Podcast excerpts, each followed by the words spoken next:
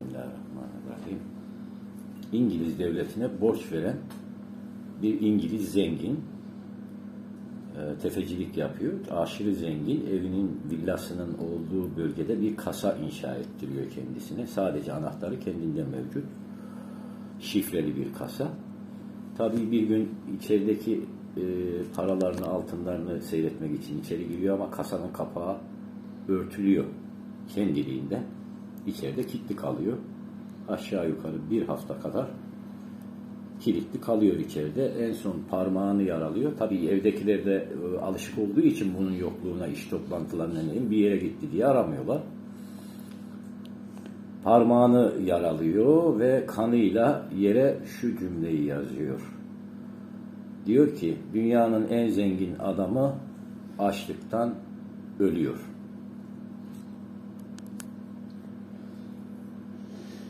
Yani bu nedir diye soruyoruz değil Evet. mi? Yani her olandan bir, e, her kıssadan bir nasihat almak gerekiyor ya. Evet.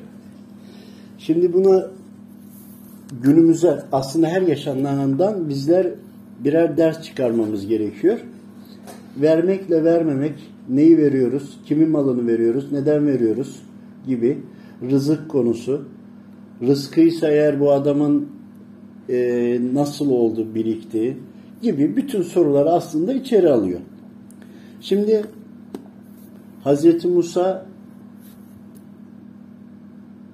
Kızıldeniz'i yarıyor ve oradaki Yahudileri alıyor, çöle yerleşiyor ve orada Rabbimiz de onlara rızık gönderiyor çölde. Ve 40 yıl çölde kalıyorlar. Bu süre içerisinde bunlara bıldırcın eti ve e, gelen gıdaları var. Bu gıdalarla birlikte yaşıyorlar. Bir zaman geçiyor. Zaman sonra şikayetçi olmaya başlıyorlar. Halbuki kölelikten kurtuldular, rahatladılar. Düşman tehdidi yok, ölüm tehdidi yok. Aileler, çoluk çocuk herkes güven içerisinde. Ve rızık derdi de yok ve çalışmaya da ihtiyaçları yok. Rabbimin hikmetiyle herkesin rızkı geliyor. Bulunduğu tek oda bile olsa haneleri içinde bir anda görünüyor ve bunlar bunu yiyorlar. Ve yıllar sonra şikayete başlıyorlar. Biz daha güzel yere gitmek istiyoruz, daha yere geçme, daha güzel yere geç, gitmek istiyoruz diye. Bu defa bulundukları çevreyi beğenmiyorlar. Bunun tabi Rabbim doğrusunu bilir. Hikmeti Allahu Teala'ya itimatları ve güvenleri azaldığı için. Peki bunun delili neydi? Son zamanlarda rızıkları geliyor. Geldik, geldiği zaman bunun bir kısmını saklıyorlar, bekletiyorlar ve sonradan yiyebilmek için bir kenara stok ediyorlar. Halbuki Allahu Teala düzenli olarak rızıklarını sürekli gönderiyor. Peki gönderiyorken neden bunu biriktiriyorlar? Dan yola çıktığımızda biriktiren insanın Allahu Teala'ya itikadı ve imanının azaldığını gösteriyordu. Ve sonrasında bunlar başka yurt istediklerinde bu yurtla ilgili savaşmaları gerektiği bildirildi. Kısa geçiyorum konuyu. Ve bunlar biz savaşmak da istemiyoruz dediler. Savaşmadan bize versin dediler. Hani hazıra ve kolaylığa alıştılar ya ki öncesinde köle idiler. Firavun'un zulmünde idiler. Hazreti Musa Kızıldeniz'i geçmelerine önderlik etti. Rabbimin izniyle geçtiler. Firavun da boğuldu ve bunları unuttular köle olduğu günleri. Velhasıl savaşmaları istendiğinde de bunlar savaşmadılar. Çok az bir kesim kabul etti. Savaştılar ve kazandılar. Az olan çok olanı yendi. Burada bir imtihan var. Rabbimizin bizlere verdiği Hazreti Kur'an'da anlatılan veyahut da kıssalarda anlatılan Allah dostlarının anlattığı, önceki peygamberlerin yaşadıkları, yaşanan olayların her şeyde bir hikmet var anlayana. Biz bunları anlamadığımızda, bunları düşünmediğimizde işte o zaman benliğimizi kaybediyoruz ve benliğe bürünüyoruz. Kaybetmek ve bürünmek. Bu da ayrı bir inşallah konuşuruz üzerine. Velhasıl işte biz onu bugüne ders aldığımızda rızık konusunda bize çok güzel bir örnek. Sizin anlattığınız tam da bunu anlatıyor. Karıncaya soruyor Hazreti Süleyman ne kadar diyor sen bir yılda tüketirsin? İşte diyor ki iki buğday tanesi örnek veriyorum. Koyuyorlar ve bir yıl sonra geliyor bakıyor en az tüketimle iki buğday tanesiyle yaşayan karıncanın yarısını tüketmediğini görüyor. Diyor ki karınca en az tüketimle bunu demiştin tüketirim diye ama diyor tüketmemişsin bunu da. Sen diyor insansın diyor. Unutursun edersin diyor. Sana diyor güvenemedim. Dolayısıyla peygamber olmasına rağmen kulsun diyor ve insansın. Bu kıssa da vardır. Kardeşlerimiz inşallah okurlar. Velhasıl bugünkü konumuz tam da aslında rızık konusu, faiz konusu, faize yatırmalar, mal biriktirmeler. Bütün hep bunların içine alıyor. Peki ne oluyor? Biz neden Müslümanız derken, imanlıyız derken hep bir stoklama içindeyiz? Peki stoklama yapmayalım mı? diye düşündüğümüzde gerçekten imanımızı sağlam tutmuş olsak yarına ne oluruz diye düşünmeyiz. Ne yeriz diye düşünmeyiz. Rabbimizin huzuruna her an gidebiliriz diye ahiret hayatındaki yarınımızı düşünerek gayret ederiz. Ama biz ahiret hayatındakini düşünmüyoruz ki. Biz yarın ne giyelim, ne içelim, ne yapalım, paramız nasıl değerlenir re gidiyoruz. Peki bir geriye düşünün, bakın geriye dönün. Hazreti Mevlana'nın zamanındaki vezirdi, paşaydı, zenginlerdi, multimilyarderlerdi. Onları anılıyor mu? Firavun dönemine gidin. Erzurumlu İbrahim Hakkı Hazretleri'nin dönemine gidin. Daha önceki dönemlere gidin. Hiçbir yerdeki zengin, paşa, fabrikatör, bunların hiçbir tanesini biliyor musunuz? Tarihe bakın. Kimleri yazıyor tarih kitaplarında? Ya alimleri yazar ya zalimleri yazar ya da ikisinin arasındaki mücadeleleri yazar. Sahabeler dönemine gidin. O dönemdeki inanmayanları, o dönemdeki Ebu Cehilleri bakın. Onlar anılıyor mu? Fedakarlık yapan, veren, Rabbimle yarışa gidenler mi anılıyor? Bunu dinleyen herkes bu kaydı bitene kadar yaşayacağını garanti edemez. Ken. Neyi biriktiriyoruz, ne için biriktiriyoruz, ne yapıyoruz? Allah rızası için bir düşünün. Önceki zenginleri düşünün. Maddi olarak çok varlıkları olanları düşünün. Bunlar yok ve anılmıyor. Peki siz bu hayata bir paslı çivit çakıp da anılmak, hatırlanmak istemez misiniz? Bütün bu konulara bir ilmimiz olmasa mı olmamasına rağmen biz dedik ki hep birlikte bir şey bırakalım ki öyle bir şey olsun ki anılalım. Hatırlanalım ve dua edilsin.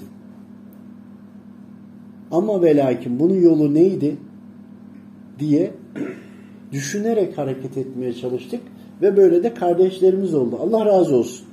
Emin olun kimsenin para bulduğu malı anılmayacak.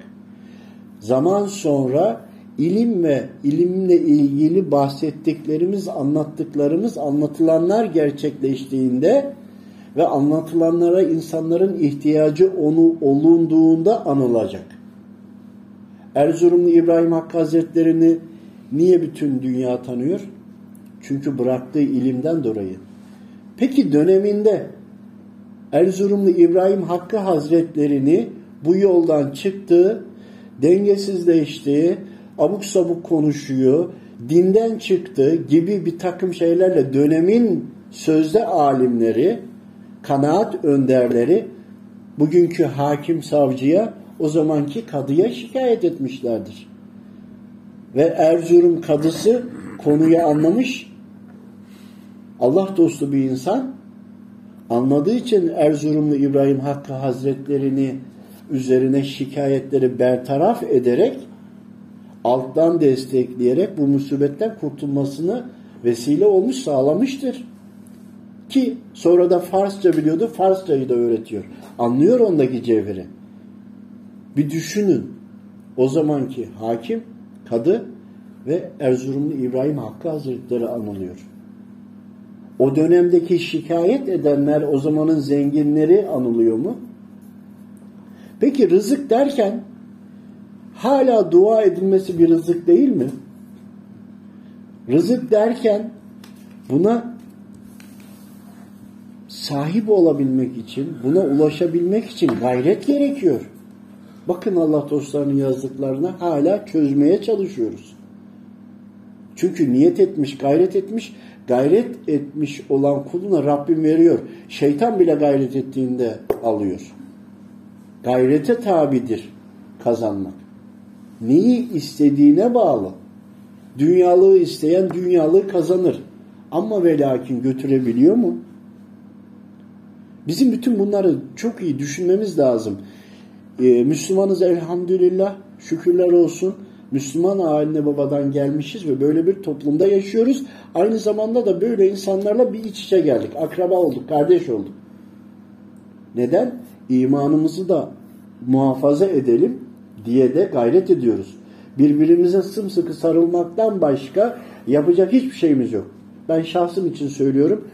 Çevremde, akrabamda bu konuları konuşabileceğim kimse yok. Evet görüşüyorum. Sıla-i Rahim de gerekli. Ama ve lakin faydalanabileceğim, nasihat alabileceğim babam ve annemden başka bir insan yok. Yani rızık bunların hepsi. Peki o zengin olan kişiyle ilgili konuşalım. Ama önce şunu unutmayalım. Müslüman zengin olmalı. Peki zengin olmalı ama aynı zamanda biriktirmemeli. Yani bunun içinden nasıl çıkacağız? Neresi doğru, neresi yanlış? Evvela kimi insanlar vardır, biriktirir. Çocuklarım olacak, onlar büyüyecek. İşte bunlar için hazırlık yapıyorum, onlar için bunu yapıyorum. Der ama emin olun yüzde 99'u bunu kendini kandırmak için söyler. O gayretini gören insanlar yaşın artık kemale ermiş der. O da bunu çocukları için yaptığını söyleyerek kamufle eder. Peki malın olması çocuklarını rahat ettirir mi? Tabii ki ettirir. Tabii ki yapılacak. Peki aradaki çizgi nasıl olacak? Bir de insanların yaşı ilerledikçe dünya sevgisi artarmış. Yaşı ilerleyen insan hepimiz için söylüyorum. Mal sevgisi fazlalaşır. Mal sevgisiyle imtihan oluruz. Bu hepimiz için geçerlidir. Buna çok dikkat etmek lazım. Peki mal sevgisi oluyor böyle oluyor da ne yapalım? Bütün malımızı dağıtalım mı? Olmasın mı? Bu aradaki çizgiyi iyi anlamamız gerekiyor. Bizler hem bu dünyaya hem de ahiret hayatına çalışmakla mükellefiz. Ancak dünya hayatındaki hal ve hareketimiz geleceğe yön verir.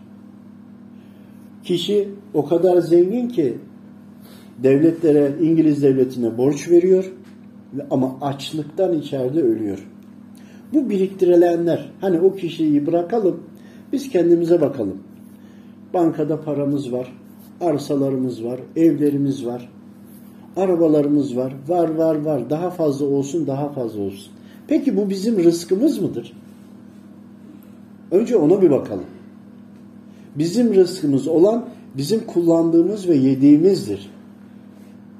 Örneğin ikinci araba, üçüncü arabayı alacaksın veyahut da bir ev bir ev daha alacaksın. Bu gerçekten senin rızkın mı? Sahibi olabilirsin. Ancak insanlar edindiği malı ince noktası şu. Allahu Teala'ya alttan güvenmediği için yarın ne olacak diye biriktiriyor. Peki bu kadar malı biriktirdikçe yani malı var bir ay kiraya verilmezse bile ne olur diye milyonlarca liralık malı var. Oturduğu kendi evi, aracı vesaire hepsi olmasına rağmen birkaç ay kiraya verilmezse sanki batacak, ölecek, yok olacakmış gibi böyle bunu dert edinenler var. Peki rızık bunun neresinde? Nasıl oluyor? Bizim yemediğimiz, içmediğimiz, kullanmadığımız hiçbir şey bizim rızkımız değil. Bir insan bu malları biriktirir. Bankada parası var, bir sürü evler var, bir sürü arsalar var, var, var, var. Bunları öbür tarafa götüremeyecek. Öldüğü an burada kalacak. Bu kalanları sonraki gelen nesil mutlaka çarçur etmesi gerekir. Ama hepsinde değil. Birazdan geleceğim ona da. Biriktirdiği mallar eğer infak etmediyse yani bir evi var, bir arabası var. Bir tane daha alacak. Bir araba daha alırken bir o arabanın parası kadar infak etmediyse o mal kendine fayda etmez. Rızık olmaz. Peki aradaki fark ne? Bakın çok dikkat. Bir evimiz var. Bir ev daha alıyoruz. İkinci aldığımız evde oturamayacağız. Çünkü oturduğumuz bir tane ev var. Onu oturamayacağız. Mümkün değil. İkisini açık da tutsan bir gün onda bir gün onda da kalsan bir gün orası senin evin bir gün burası senin evin. Oturacağın bir tane ev. Diğeri senin rızkın değil. Ama senin adına sana gelmiş. Bunlar gelirken geldi. Rabbim seni imtihan etti. Malın olmayışı da imtihan, olması da daha büyük bir imtihandır. Olmayınca yok dersin. Ama olunca dengeyi kaybedersin. Ne yapmak lazım kaybetmemek için? İşte bunun üzerine konuşmamız lazım. İnsanların imanı tam yerinde olsa evinde bugünlük ekmeği bile olsa yarın ne yapacağım diye düşünmez. Peki ahir zamandayız imanımız zayıfladı, malımız da çoğaldı. Biz ne yapmamız lazım? Ne yapalım? Bütün malımızı bırakalım, dağıtalım da öyle mi duralım? Hani Müslüman zengin olacaktı? Bakın Müslümanlar kesinlikle zengin olsun. Oldukça ayakta ümmet durur. Ama ve lakin sırtımıza o kadar çok yük yapıyoruz ki çok yük alıyoruz ve bunun zekatını bile ödemiyoruz. Birden fazla evi var. Evin kirası üzerinden zekat öde ödemeye kalkıyorlar. Ya senin zaruret ihtiyacın bir evdir. Oturduğun ev düşükse en pahalı olanı da seçebilirsin ayrı. Ama bir evden sonrası eğer evlatlarına bağışlayıp vermediysen o zaman senin evindir ve zekatını vereceksin. Bu mecbur. O malları birden fazla olan malı temizlemek içindir. Asıl zekat konusunu iyi anlamamız lazım. Dolayısıyla zengin kişi içeride öldü. O zengin kişi o ülkeye de faizle de veriyordu parayı. O kadar zenginliğin içinde ölmesi o olan malın hepsinin onun olmadığını işaret ediyor. Peki bu kadar parayı, malı nasıl biriktirdi? Biriktirdiği başkasının hakkını biriktirdi. Yani o paraları bir şekilde helal yoldan kazanmış olsaydı bile bunu infak etmediği için, dağıtmadığı için başkalarının rızıkları onda birikmiş oluyordu. Bu nasıl olur demeyin. Müslüman için zaruretlerin haricinde ikinci bir arsa alacak. Arsasını aldığında o arsa kadar infak eder ve yine onu alırsa bu sefer bunun sadakasını verir. Bakın zekatı değil. Sadakasını verir. Bir varsa yarımını dağıtır yine alır ve bunu ödediği için o malın sahibi olur ve ondan sonra da zekatını vermesi gerekir. Biriken mallar, iki tane ev, üç tane ev veyahut da iki, üç, beş arsalar, bütün bunlar bizler infak etmediğimizde eğer onlar birikir ve kullanıma sunmadığı için halka arz etmediği için zaman sonra gelecek nesilde mutlaka ve mutlaka kazalar, belalar, musibetler, sıkıntılar çoğalır. Çocukları kumara ulaşabilir, bulaşabilir, faize bulaşabilir, türlü hastalıkları olur ama mutlaka ki gider. Mutlaka gider. İncelesinler ya bir nesil ya ikinci nesil. En kötü üçüncü nesilde mal erir. Ve bir de şu vardır. Yedi nesilde bir değişir bu. Bir nesil düşünün. Birinci kuşak fakir. Oturacak evi yok. Ekmeği yok. İkincisi biraz iyi. Üçüncüsü biraz iyi. Dördüncüsü mal sahibi. Beşincisi fabrika sahibi. Altıncısı makam ve para sahibi. Yedincisi multimilyarder olur. Zengin olur. Ondan sonra yine başlar kaybetmeye. Mutlaka erir. Bazı kişiler kendilerini suçluyor. İşte benim babam bu kadar malı vardı, eridi, gitti. Bir sonraki gelen der ki işte dedemin bu kadar malı vardı, babam şunu yemiş, şöyle yemiş, şu olmuş, bu olmuş. Ya bunların e, yapacak bir şeyi yok. Gerçekten Rabbim vermeyince olmaz. O malı koruyabilmenin bedeli zaruret olan kullandığımız evimiz, aracımızın birer tanenin haricindeki olanlardan mutlaka ki Allahu Teala ile yarışa girmek gerekir. Çünkü verdikçe, infak ettikçe Rabbimin rızası içinse Rabbim o malı artırır. Verdim verdim mal artmadı diye düşün. Ben verdim. Allah rızası için vermiş olsa zaten bu mal artmadı demez. Bunu diyorsan bir kere otomatikman bu kaydı kapat. Dinleme.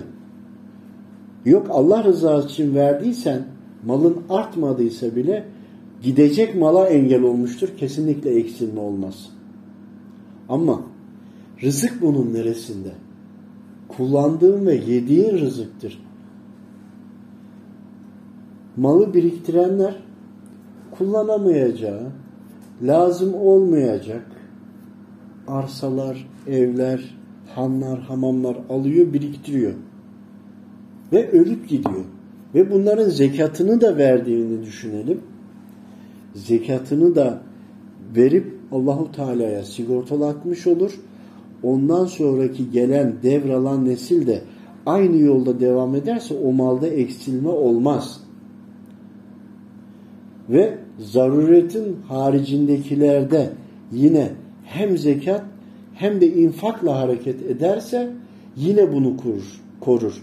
Yok korumazsa eğer ki bir de malı baştan kazanma, faiz, kul hakları, mal, zorla mal edinme, kandırma gibi konular olursa yani bu haram olduğu için haramdan sen bunun zekatını versen de haramdan sadaka versen de infak etsen de kabul olmayacağı için haramla zekatı veremezsin ki. Haram zaten yasak. Bu defa zekatımı verdim, infak da ettim ama yine böyle oldu dersin. Yani şeytan yine buradan seni Allahu Teala'yı suçlatır. Allahu Teala söz verdi. Zekatını verenin malını korurum diye.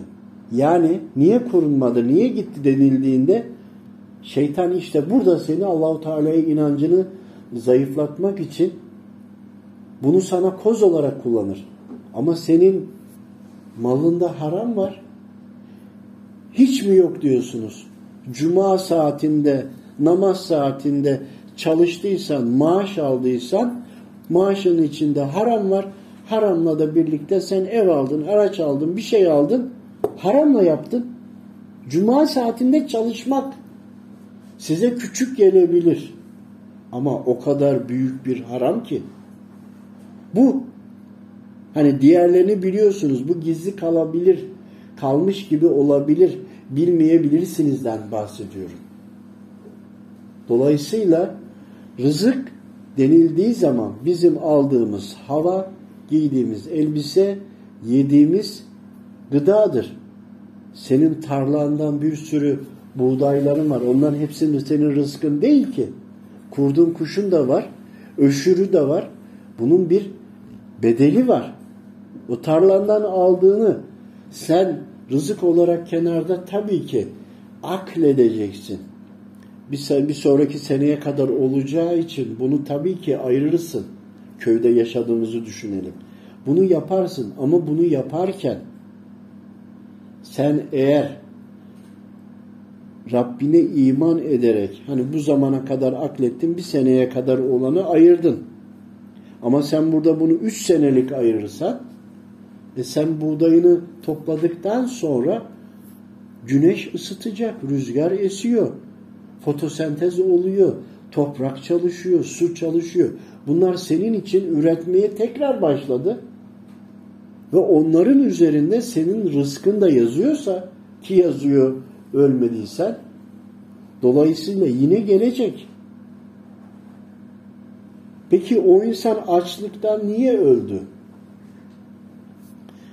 O insan dünyanın en zengin insanı dahi olsa kazandığı haram o haramın içerisinde o kişinin rızkı yokmuş o kadar zengin olmasına da rağmen rızkı olsaydı eğer kasanın içinde olsaydı orada nimeti olurdu. Yerdi biri oraya ekmek unuturdu. Yine yerdi. Veyahut da dışarıdakilerin aklına gelirdi açar bakardı yine görürdü. Rızkı bitmiş. Ve bulunduğu yerde de rızkı yok. Peki insanlar Allahu Teala'ya itimat etmiyor. Etmediği için de stok yapıyor. Peki bunu aklederek, itaat ederek, iman ederek yaptığında aynı şey mi? Bakın stok yapmak, malı stoktan bahsediyoruz burada. Ayrı, gıdayı stok yapmak ayrı. Sünnet olan belirli bir gıdayı bulundurmak evinde. Ama komşun da açken tok yatamazsın. Bak bunlar anlamaya dayalı. Çok ince, kıl gibi ince bir çizgi var. Fakat sen eğer aylarca, yıllarca sürecek stoğunu oraya yaparsın. İnsanlar sıkıntıdayken vere, vermezsen işte o zaman sen teslim olmamışsın ya da imanın zayıf. Fakat verecek kimse bulamadın. Ve bu da arttı orada kaldı. Bu o demek değil. Veyahut da çalıştın aldın bir yer aldın sonra yine çalıştın yine bir yer aldın yine bir yer aldın aldın aldın ve öldün. O aldıkların senin rızkın değil. Senden sonra gelecek nesil eğer onun helalden gelip ve zekatıyla ve gerekli şekilde doğru hareket ederek tuttuysan, gerekli şekilde ne demek? Bununla ilgili kibirlenmedin. Malın ve mülkün sahibi Allahu Teala olarak gördün. Bunu kastediyorum. Eğer sen doğru hareket öldüysen o gelen mal e, miras helaldir. Devam eder ve onlarda erimez. Ama onlar da doğru davranırsa yok eğer bu rızık sen örneğin iş yerin var insanların hakkını gereği kadar vermedin gereği gibi hayır hasenatını yapmadın. Yer alacağım, bunu alacağım diye hep sen bunları biriktirip biriktirip de yer aldıysan o anda vermen gereken yerlere vermediysen rızkı gidecek olanlara dünyevi sebep olarak engel olmuş oldun. Yani başkasının rızkını alıp buraya hapsetmiş oldun. Rabbim senin üzerinden o rızkı gönderdi. Hemen burada şu sorulabilir. Rızkı eğer o kişinin gidecekse, yazılıysa ben niye onu engel olabilirim diye düşünürsün. Tam da imtihan noktası burada.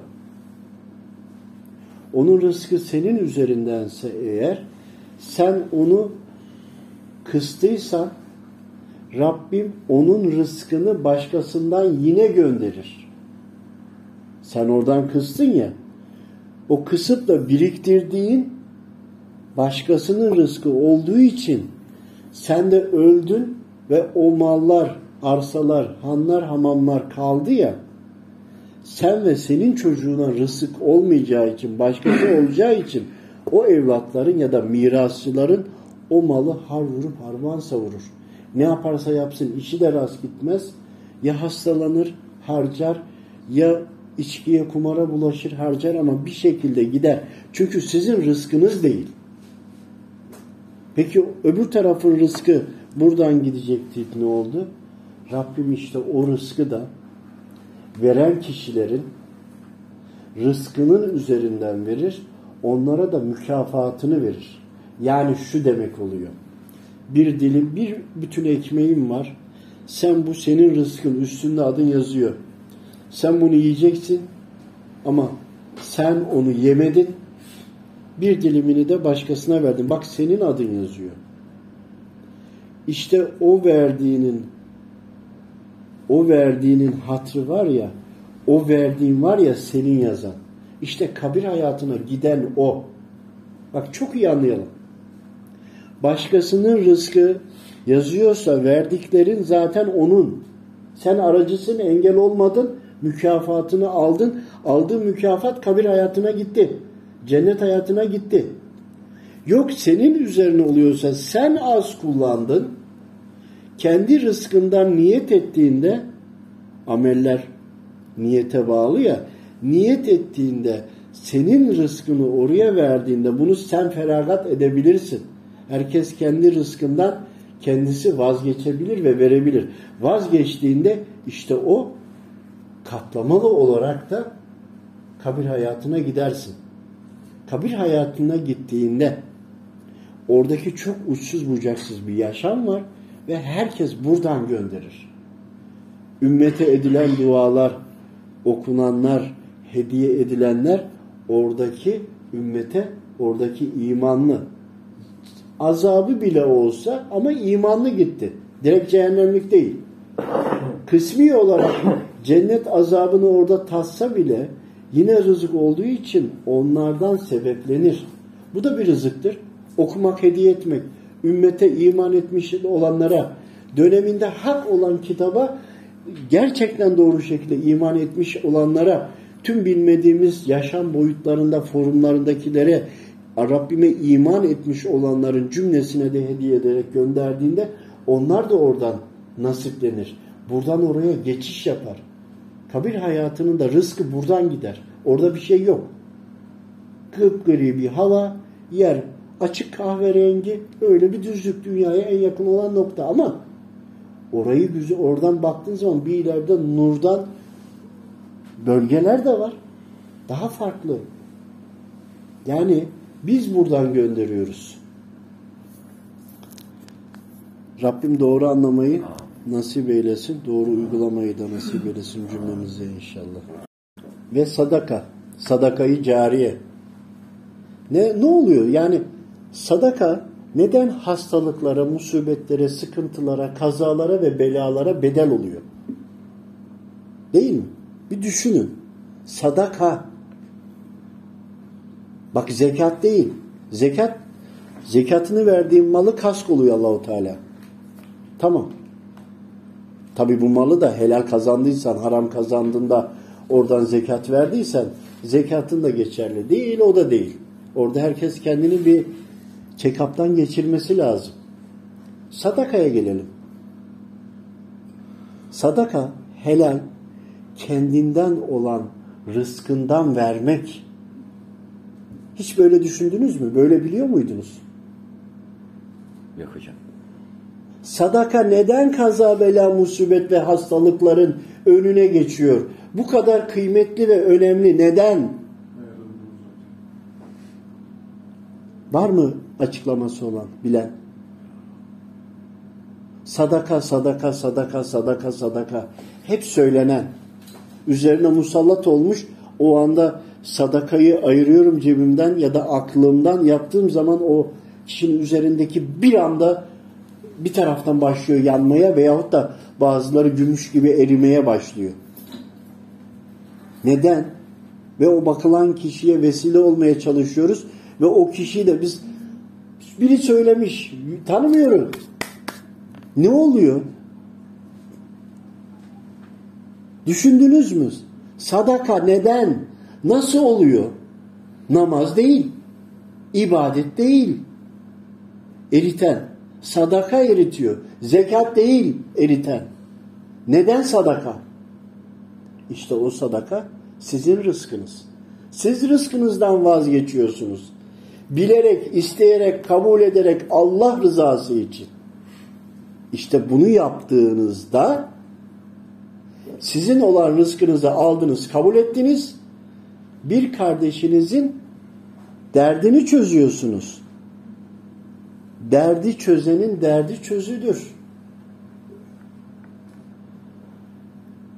Sadaka verdiyse, bir de buna niyet ettiyse, adres verdiyse, ya başım ağrıyor, çocuğumun bu problemi var, veyahut da Rabbim araç nasip etti diye herhangi bir sebep olduğunda bir anda Allah rızası için o sadaka bir gökyüzüne arş alaya çıkar. Oradan nurlanır. Olduğu gibi o olan sıkıntı musibetin üzerine nur dağı gibi iner. İndiği yeri güzelleştirir. Korona varsa öldürür. Ölü hücre varsa güldürür. Ama olur. Sadakanın üzerine var mı? Namaz borcunuz, zekat borcunuz varsa hac borcunuz, borç, borç, borç, borç, borç. Sadaka borç değil. İstersen verme. Keyfi keder sana kalmış. Amma ve lakin ok gibi, kılıç gibi yeni çıkan lazer silahımız gibi ondan milyon trilyon kat daha keskin. Gözle göremediklerimizi öldürüyor. Da nasıl? Çünkü senin rızkın tabi verdiğin helal olacak. Haramsa yine hastalık pek iyileşmez. Peki birçok hastayı biz tanımamamıza rağmen adına vermeye çalışıyoruz. Kardeşlerimiz dinlediği için bilir bunu. Niye? Hem kişiyi tanımıyoruz hem mümin kardeşimiz için biz bir şey yapmaya çalışıyoruz. Çok yakın arkadaşlarım bilir bu konuyu. Çünkü niye? Bizim ağzımız onlar için günahsız. Onların ağzı da bizim için günahsız. Günahsızın duası dileği kabul olur. Tamam Rabbim affeylesin ben günahkarım ama Yılmaz kardeşim için, Erkan abimiz için, Mustafa için, Enver abi için, Yavuz abimiz için günahsız. Sizinki de benim için günahsız. Yani işte bir de buradan yapılan dua ve onlar için yapılan sadaka onları def eder. Siz de yapın. Olan insanlar için olabildiğince az çok bir lira bir lira o hasta olanın vereceği yüz bin liradan daha ehval olabilir. Daha gerçek olabilir. Rabbim bilir doğrusunu. Ama sadaka helal paradan olan bütün kaza, bela, sıkıntı, musibetleri def eder. Oradaki niyet önemli. Yalnız verilen kişinin azat olmasını sağlarsa köle olarak işte o zaman bir de köle azat etmiş olur. Sinan şey Ahmet kardeşimiz üç tane köle azat etti bugün. Evet köle azat etti. Öyle ya da böyle. Allah rızası için hizmet etmeye çalıştı. Allah için yaptı çünkü. Kokusu geliyordu. İşte sadaka kendi rızkınızdan olanı verdiğiniz için farz değil çünkü. Verdiğiniz için Rabbim onu kabul ediyor, bereketlendiriyor. Hem sıkıntıyı gideriyor hem de karşılığını Rabbim biliyor.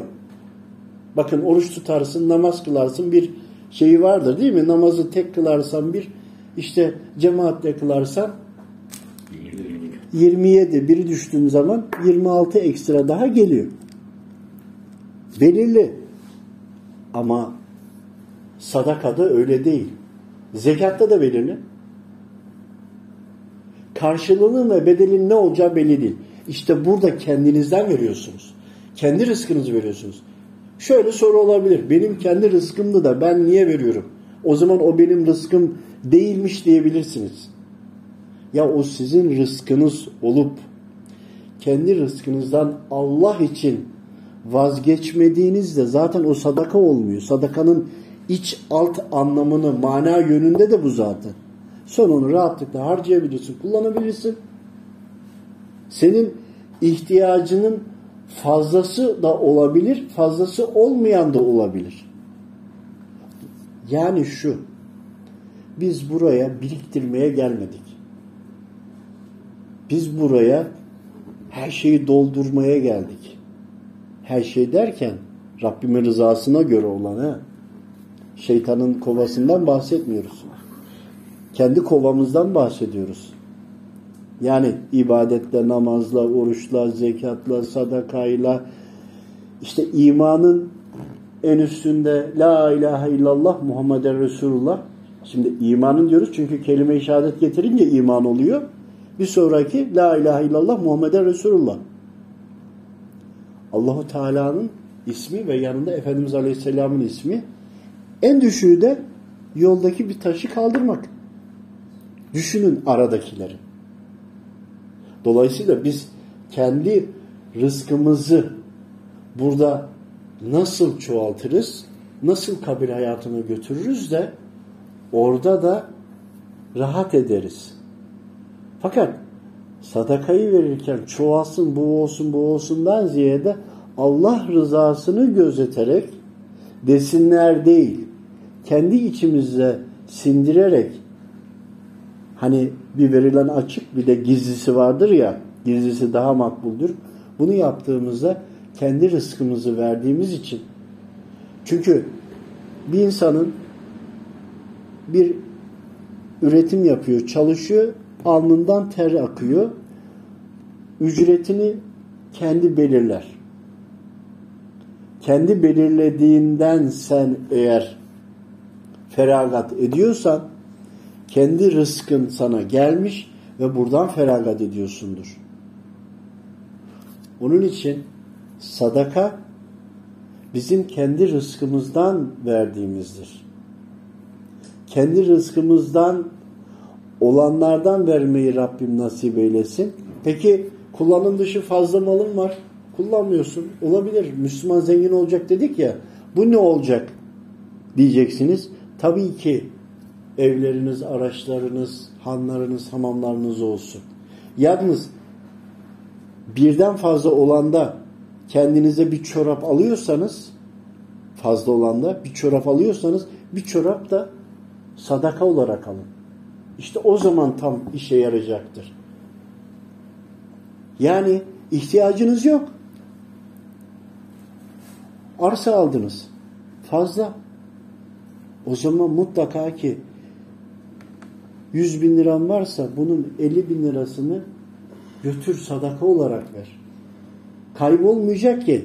Burada ne yapıyorsun? 100 bin liralık alma, 50 bin liralık al. Hem bu dünyaya, çoluğuna, çocuğuna, evlatlarına hem de kendin için öbür tarafa gönderiyorsun. Gideceğin yere gönderiyorsun. Bak 100 bin liralık yere alma 50 bin liralık al. Bu çoluğuna çocuğuna bu da kendine. Akıllı Müslüman bunu yapar. Ha yok ben hep çoluğuma çocuğuma alacağım ben hiçbir şey almadan gideceğim diyorsan o zaman al al biriktir biriktir ol ve öl. Faydası ne sana? Hiçbir şey. Bir de oraya gittim bunun zekatı var, sorumluluğu var, bir sürü şey var. Sıkıntıda borçlu, harçlı, problemli olan insanlara yardımcı olmadım. Malın da orada duruyor. Bir de bunun vebali var. Şahit oldun çünkü. Mübarek zatın bir tanesi geliyor birine diyor ki nasılsın? O da diyor ki şöyle sıkıntım var, böyle sıkıntım var, böyle borcum var. Mübarek gidiyor neyi var neyi yok her şeyi satıyor getiriyor bu kişiye veriyor. Ama kendine hiçbir şey kalmıyor ha. Diyorlar ki sen bunu niye yaptın böyle? Bir daha diyor kimseye nasılsın diye sormayacağım. Şimdi bu kadar bilinçli, bu kadar anlıyor. Bak doğru anlamış ve anladığını uygulamış. Biz şimdi bu kaydı dinledik. Hep beraber sohbet ettik. Peki ne yaptık yarın? Ne yaptık? Biz söyleyeceğimizi söyledik. Yapmayanlar düşünsün. Değil mi? Dinledi dinledi iyi geldi yumuşadı rahatladı da ne yaptın ne yapacaksın? Sadece olanı senden sonraki nesillere mi vereceksin yoksa biraz da kendine mi alacaksın? Bunun kararını iyi verelim, iyi düşünelim. Rabbim hepinizden razı olsun. Anlatmak istediklerimizi söylemek istediğimiz gibi anlayın. Çok ince çizgiler var. Oturmayan yerler varsa aklınızda lütfen sorun. Hocamıza iletelim. Hocamız buna cevap verirse izah edelim. Çünkü şey iç içe olan çok bir konu. Hem zengin olmak gerekiyor Müslümanın aynı zamanda da mal biriktirmesi gerekiyor. Nasıl olacak bu? Biraz çaprazda kalıyor gibi aslında hiçbiri kalmıyor. Hepsi nokta atışı belli. Evet zengin olacaksınız ama Allah içinde mücadele edeceksiniz ama ya önce kendini kurtaracaksın, kendini alacaksın. Kendine de alacaksın, ölünce buraya bıraktığın değil, oraya göndereceksin. Eğer imanın varsa, yoksa ölünce yok olacağım diyorsan bir şey gönderme. Malını hepsini bırak, ona göre ne yapıyorsan yap.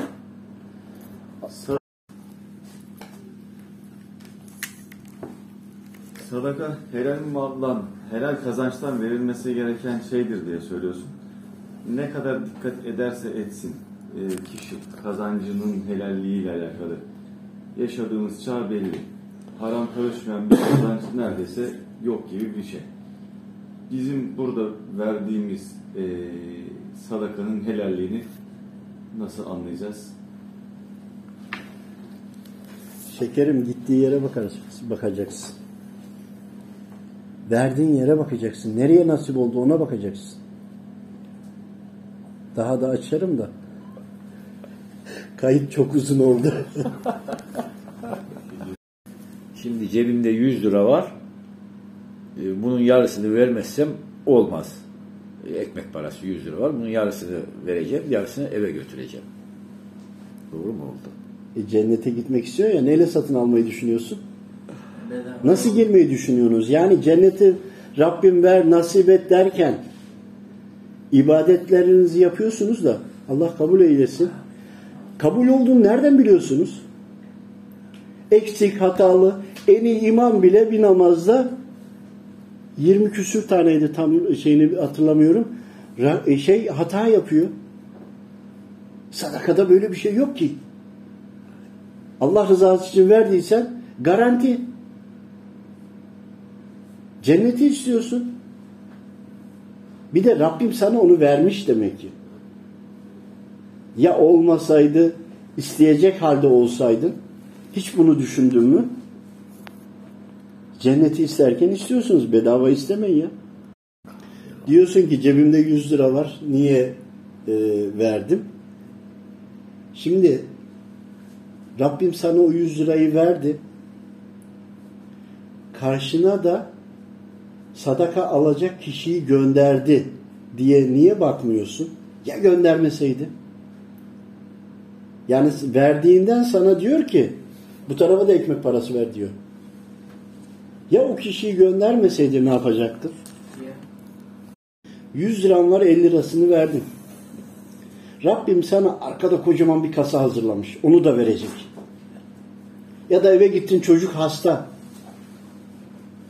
Onu kaldıracak. Ya da yolda kafana tuğla düşecek. Ona kefaret sayacak.